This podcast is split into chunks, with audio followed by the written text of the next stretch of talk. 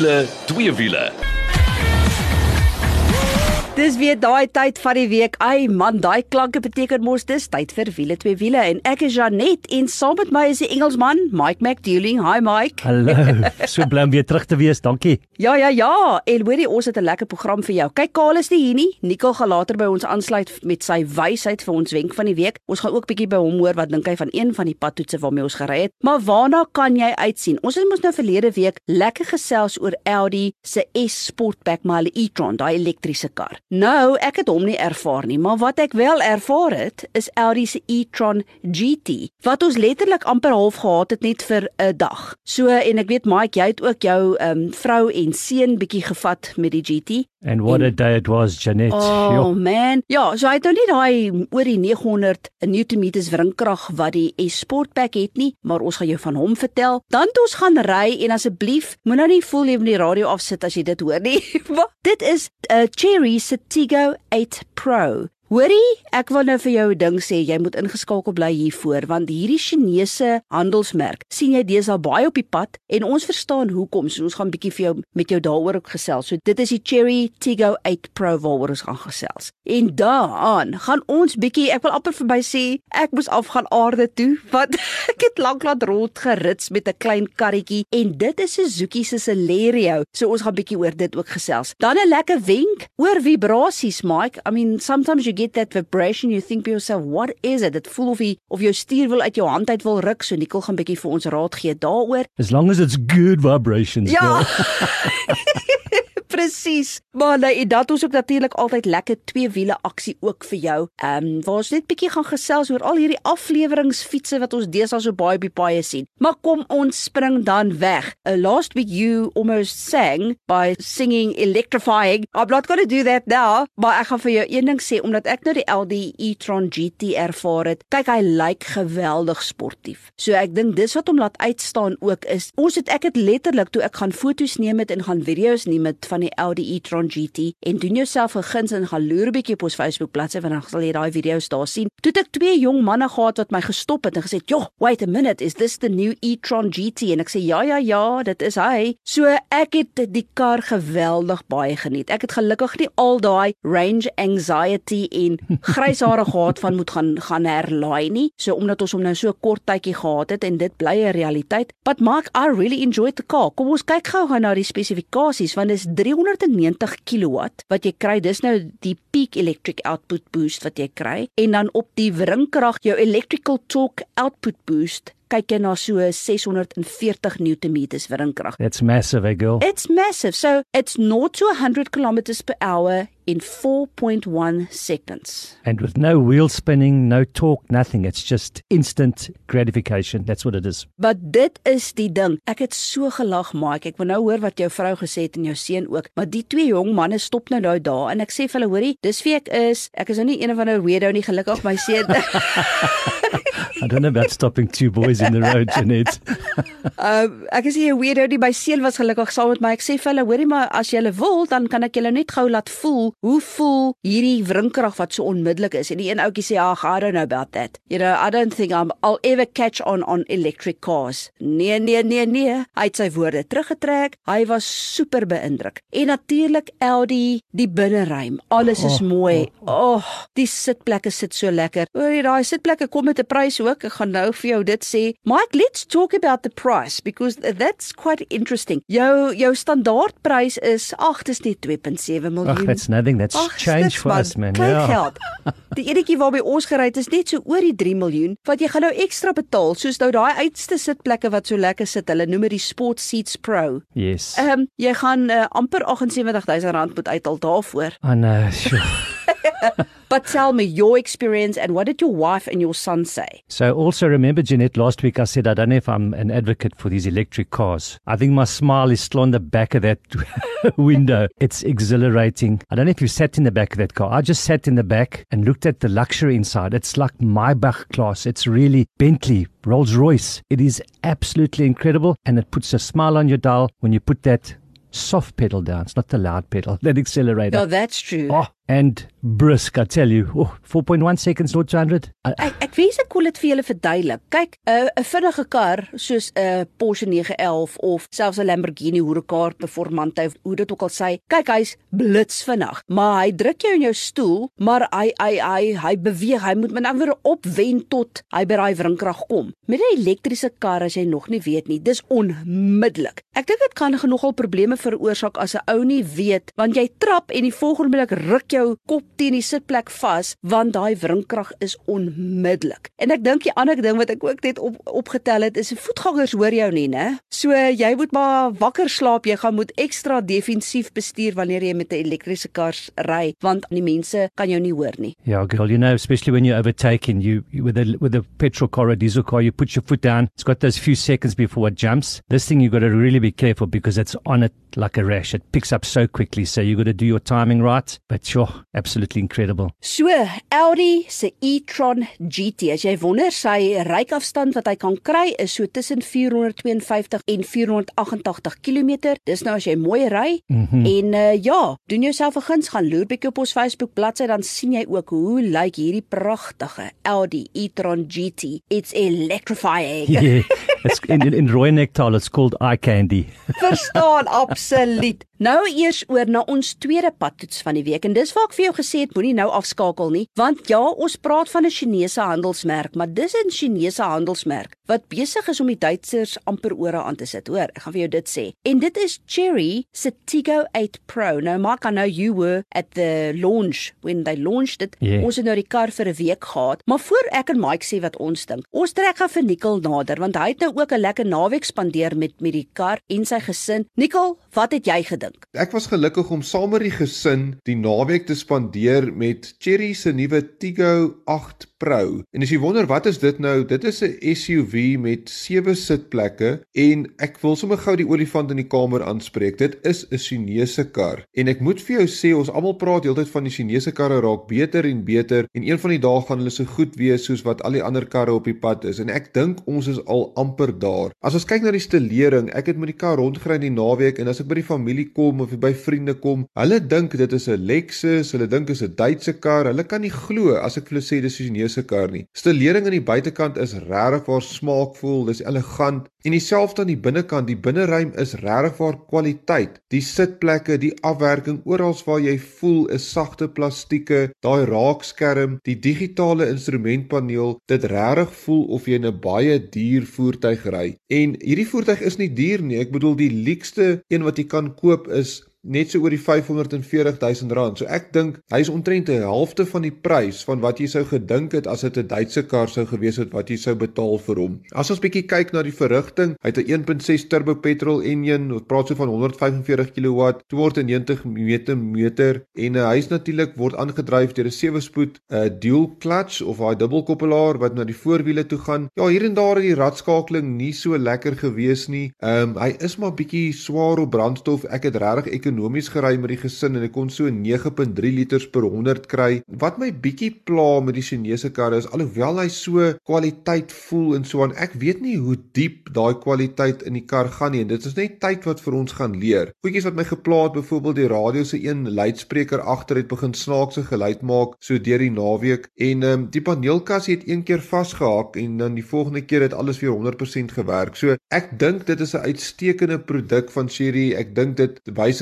regtig veel waar die Chinese karre heen gaan of Suid-Afrikaners nou al regtig die produk begin vertrou. Dit sal ons moet sien met verkope, maar ek wil sê, kyk uit. Die Chinese is op pad. Ek wil aansluit by Nicole. Dit is so leksheid soos wat jy nie kan glo nie. Baie lekse elemente wat jy nie eers in sekere Duitse voertuie kry nie. So daar, ja, hy tiks die boks verseker doen hy. Absolutely. Wat die wat die binneruim ook betref, pragtig uitgelê. Ek het nooit gedink ek hou van hierdie donkerbruin leer nie, maar dit het so regtig luks gelyk en professioneel en jy voel dis interessant met die bekendstelling van hierdie uh, Tiggo 8 Pro het hulle nog verwys na first class. You riding first class en dit voel eerste klas as jy binne in die kar klim. Maar daar's iets wat my so grensloos irriteer het dat ek amper nie die kar sal koop nie as gevolg daarvan. En dis die speeltjie, die tri-rad speeltjie wat vir jou wys wat agter die kar aangaan. Grensloos. I think that's an operative word in Afrikaans. Because really it, that was my biggest challenge with the car was that that rear mirror. You go into a parking lot or a shopping center, it really makes things a little bit different. Ek weet nie presies wat hulle daar probeer doen het nie. Dis nie soos byvoorbeeld met die Defender wat dit 'n uh, video is nie. Dis anders. Hy's hy snaaks ge ek weet nie presies wat dit doen nie. Al wat ek weet, alles lyk klein van agter af. Ek kan nie sien wat langs my aangaan nie. As 'n kar reg agter jou stop, dan kan jy nie daai kar sien in jou spieeltjie nie. So ek het heeltyd klaustrofobies gevoel. Jy weet, ek het gevoel ek kan nie sien wat rondom my aangaan nie en as dit nog 'n groot voertuig ook, want dit is 'n sewe sitplek voertuig. Correct. So dit is iets wat my geplaat. En dan Nicole het nou wel verwys na die radkas. Dit kyk is 'n dual clutch transmissie. 7 speed, ja. 7 speed, uh not smooth at all. Whew. You know, girl, such a well packed vehicle and uh, you know as we said just now we're picking on two small little things but it's it's a real thing with this car ja. So ja, kom ons dit is nou die negatiewe aspekte. Nicole het dit ook genoem, maar daar is geweldige positiewe aspekte en dis soos oh, yes. Nicole ook gesê het, vriende wat vra maar joh, wat is dit? Dit lyk soos 'n Lexus, dit lyk soos een of ander uh, Duitse handelsmerk. So daar stem ek absoluut saam en kry hulle dit reg. So daai ek hou maar top, né? Jy gaan meer en meer cherries op die pad begin sien en ek weet jy's ook op pad volgende week na nog 'n bekendstel bestelling. Correct. You know, Cherry's whole idea is to bring quality into the market and also value. And gone are those days where you have to add on, like the order we spoke about, 300,000 rands with the add-ons. This car comes fully packed. Exactly. So ja, pryse, die uh, hy twee modelle, jy kry die distinctive en dan die executive en die distinctive gaan jy so net onder die 500 000 betaal en die executive gaan jy betaal so net onder die 550 000 rand. Gaan loer bietjie op ons Facebook bladsy, wiele twee wiele en hierdie Cherry Tiggo 8 Pro gaan daar ook vir jou pronk. Nou oor na humble beginnings wil ek amper sê. Nou as ek sê humble beginnings beteken dit maar dood eenvoudig. ek is gewoond om met soveel voertuie te ry en toe ek nou agter die stuur van hierdie Suzuki Celerio klim, toe besef ek, kyk, dis 'n klein karretjie. Ek bedoel dis 'n karretjie wat jy vir onder 200 000 rand kan koop. En ewe skielik voel dit vir my almal is kwaad om my en wil net hê ek moet uit die pad uit. Maar ja. dis eintlik maar net my persepsie. Wat as jy nou eers begin ry? Man, dan is daai 1 liter nogal 3 silindertjie redelik lewendig. 49 kW is nie baie nie, Mike, ek besef dit. Maar hy het op die snelweg, want ek moet gereeld Parel toe ry en terug, het hy gedoen wat hy moet doen en daar's 'n paar groot SUV's wat van agter af gekom het en ek het gedink, "Nee, hierdie karretjie kan sy man staan." En dan hoef ek nie pad te gee nie. So, ek was baie beïndruk, maar hy brandstofverbruik. Yes, girl, I tried as hard as I can to get over 5 and that thing is almost impossible. You know, I'll go absolutely Solaris Pass, and you tramp those little engines, and it's not a turbocharged, it's just a dual injection engine. I couldn't get it. Fuel figures 4.1, 4.2. Insane. Dit is absoluut uh, ek weet mos almal spot altyd ek is bietjie swaar op die brandstof. I took a photo of that 5 liters that you got. Kan jy glo? Ek het al gery soos 'n Chimkana karretjie man. Wat praat jy? En ek het 5.2 liter per 100 gekry, so dit wil gedoen wees. Hoorie, jy kry die Celerio in 3 modelle, die GA, die GL en dan die GL eh, wat die automated manual is. Dit is baie belangrik dat jy dit sê. Ek hou natuurlik glad nie van 'n automated manual nie, want uh, hy ruk bietjie, maar ons het nou spesifiek gery met die GL maar met die 5-spoed handrad. Gelaai met spesifikasies en ek weet vir jou as jy nou ouer is en jy wil vir jou 'n kind 'n karretjie koop, is veiligheid baie belangrik, maar hy het alles wat jy nodig het. Jy het jou ABS of jou EBD en BA, jy het ESP wat natuurlik That's first in class, eh? That's first in class yeah. exactly. Jou electronic stability program en jy het natuurlik 'n uh, dual front airbags ook wat help um Isofix vir die kinders uh, stoeltjies ook. So dis goedjies wat regtig 'n verskil maak. En as jy nou gaan na die GL model, nou daai standaard, né? En as jy gaan na die GL model, toe dan jy nou nog ekstra goedjies by soos heel hold control wat yes. jou ook kan help. So om net vinnig op te son as jy nou wonder Celerio, Suzuki Celerio waarmee kompeteer hy? So definitely the Kia Picanto, the Hyundai i10 or Atos which is still on the list, yeah. And of course, Renault Squid. That is also that's also one because I mean the Renault Renault Quid you can get between 170,000 up to just over 200,000 en dit en dit is nou natuurlik vir die Renault Quid Climber wat ook lekker is. En moenie Toyota se Agya onvergeet nie. Hy is ook daarin, hoor. Yep. Maar ek sal hom nie vat nie. So lief soos wat ek vir Toyota is, nee wat. As tussen hierdie klein karretjies moet ek vir jou sê, jy kan maar kyk na hierdie Suzuki Celerio. Hy kan die ding doen. Absolutely. Nou toe, dit is wat die klein karretjie bietjie betref, Suzuki se Celerio gaan loer bietjie op ons Facebook bladsy dan kan jy sien hoe hy ook lyk. Dis nou tyd vir bietjie asem skep. Dan is dit 'n vibrasie wenk en ons gesels ook twee wiele. As jy 'n vlekvrye staal uitlaatstelsel soek of jy nou jou kar wil laat purr soos 'n klein katjie of laat blaf soos 'n rottweiler, moet jy definitief 'n draai gaan maak by Pelflow Pelwil. Hulle kyk na alles wat jy nodig het wanneer dit by jou uitlaatstelsel kom en jy kry boonop 'n 5 jaar waarborg ook. 'n Nuwe stelsel sal self vir jou beter werksverrigting gee.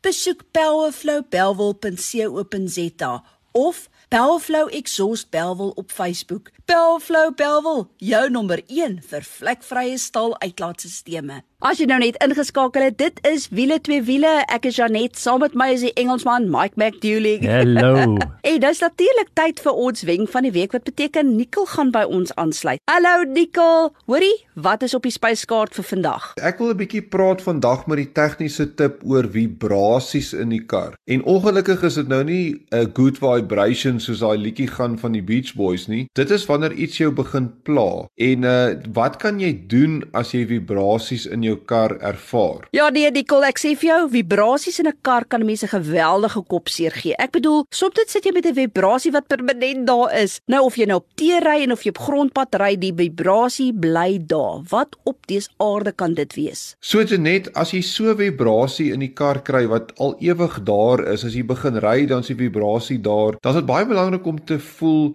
is die vibrasie gekoppel aan die voertuigspoed? Is die vibrasie daar as jy versnel of as jy konstant konstante spoed ry en of jy rem. As die vibrasie die heeltyd daar is en dit raak die frekwensie van die vibrasie raak meer hoe vinniger jy ry, dan is die kanse baie goed dat dit miskien die wielbalans kan wees op die kar. So die maklikste sal wees, vat jou voertuig, laat hulle die wiele afhaal en oorbalanseer. Dit kan 10 teen 1 daai vibrasie wat jy daar gevoel het, oplos daai probleem vir jou. And also for me Nicole, sometimes you get a vibration just when you start to brake. So it's not there all the time when you drive, but oh boy, when you brake hard, the whole steering starts shaking. Ja, ons almal het al gevoel as jy begin rem, dan is asof daai stuurwiel sommer in jou hand so begin ruk en dit wys vir jou daar's iets met die remme te doen wat vir jou hierdie vibrasie opwek. En wat dit natuurlik is, is die Engelse term daarvoor is warping van jou voorste remskuive. So dit beteken daai remskuif is nie meer heeltemal ehm um, reguit nie en daar's ook materiaal wat miskien op daai remskuif vassit van die rem remblokkies wat oorgegaan het. Hulle praat ook van hotspots wat kan gebeur op daai remskuif. En ehm um, dit gebeur dan natuurlik as jy rem, dan druk die remblokkies teen daai skuif. Daai skuif is nie meer reg het, jou oppervlakte is nie meer glad nie en dit stuur daai vibrasies vir jou deur die stuurwiel. So daar's 'n baie maklike manier om dit op te los en dit is jy vervang net die remskuive en remblokkies. Baie keer sê die ouens vir jou nee man, skiem net daai remskuive en sit vir jou nuwe remblokkies in. Maar baie keer is daai remskuif al so beskadig dat dit dit gaan net vir 'n rukkie weggaan en dan sit weer terug. So die beste oplossing in daai geval is vervang die remskuive en die remblokkies en daai vibrasie sal dan nou weg wees. Nou nikkel, wielbalans is uitgesorteer, so daai vibrasie kan nie dit wees nie, maar nou sit jy nog met 'n vibrasie wat vermeerder soos wat jy vinniger ry. So my vraag is wat kan dit dan wees? Dit net so dit gebeur baie keer veral met ons voertuie wat agterwiel aangedryf is of dan nou vierwiel aangedryf is, dat jy hierdie um, prop shaft is die Engelse term wat jy gebruik, die aandryfas wat na agter toe loop moet natuurlik ook gebalanseer wees en uh, daai as het gewoonlik so 'n koppeling wat lyk soos 'n 'n kruis, 'n kruiskoppeling en wat gebeur met ons ouer voertuie is daai kruiskoppeling, die grease en so aan die smering is nie meer goed nie. Hy gaan uit balans uit en daai hele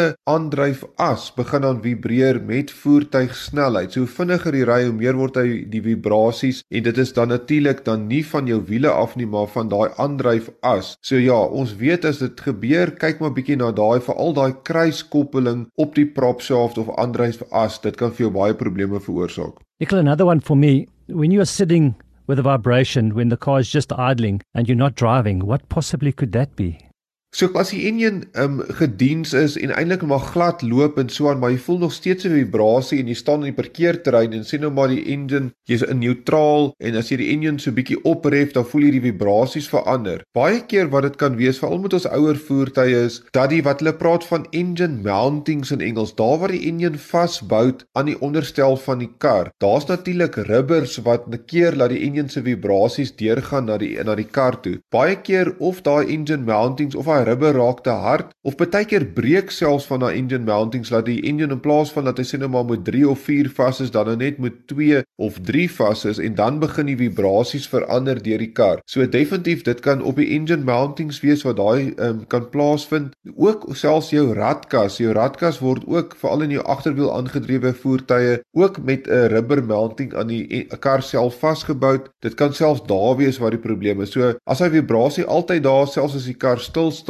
en die enjin loop, definitief kyk na daai uh, vibrasie. So ja nee, daar's definitief iets soos good vibrations en daar's iets soos bad vibrations. So daar het jy dit nou 'n bietjie raad oor wat kan daai vibrasie wees. Ek weet jy dink, "O, wat gaan dit kos? Wat gaan dit kos?" Maar soos Nikkel gesê het, soms is dit ietsie klein soos wielsporing wat jy net moet uitsorteer en jou wielbalansering wat jy moet uitsorteer. So Nikkel, baie dankie dat jy weer eens jou wysheid met ons gedeel het. Ons waardeer dit opreg. Absolutely. Nou oor na twee wiele. En ouens, ons sien deesdae nogal baie twee wiele op die pad, maar dis nie 'n uh, gewone so ek sê 'n leisure rider nie. Dis ouens wat goedjies aflewer. Absolutely. We just want to have a good look at the the motorcycle industry as we in the same vein with the Chinese imports I decided to have a look at Chinese motorbikes. Now, if you look at all this new e-commerce that's going around and the deliveries, these bikes are sold in their thousands now. Just a little backward, um, a few years ago, China sold 19 million in one year. So, you know, Jeanette, often we moan about these guys and we think they can't ride or they're just doing something. So I did a little bit of investigating. So the guys are not going to just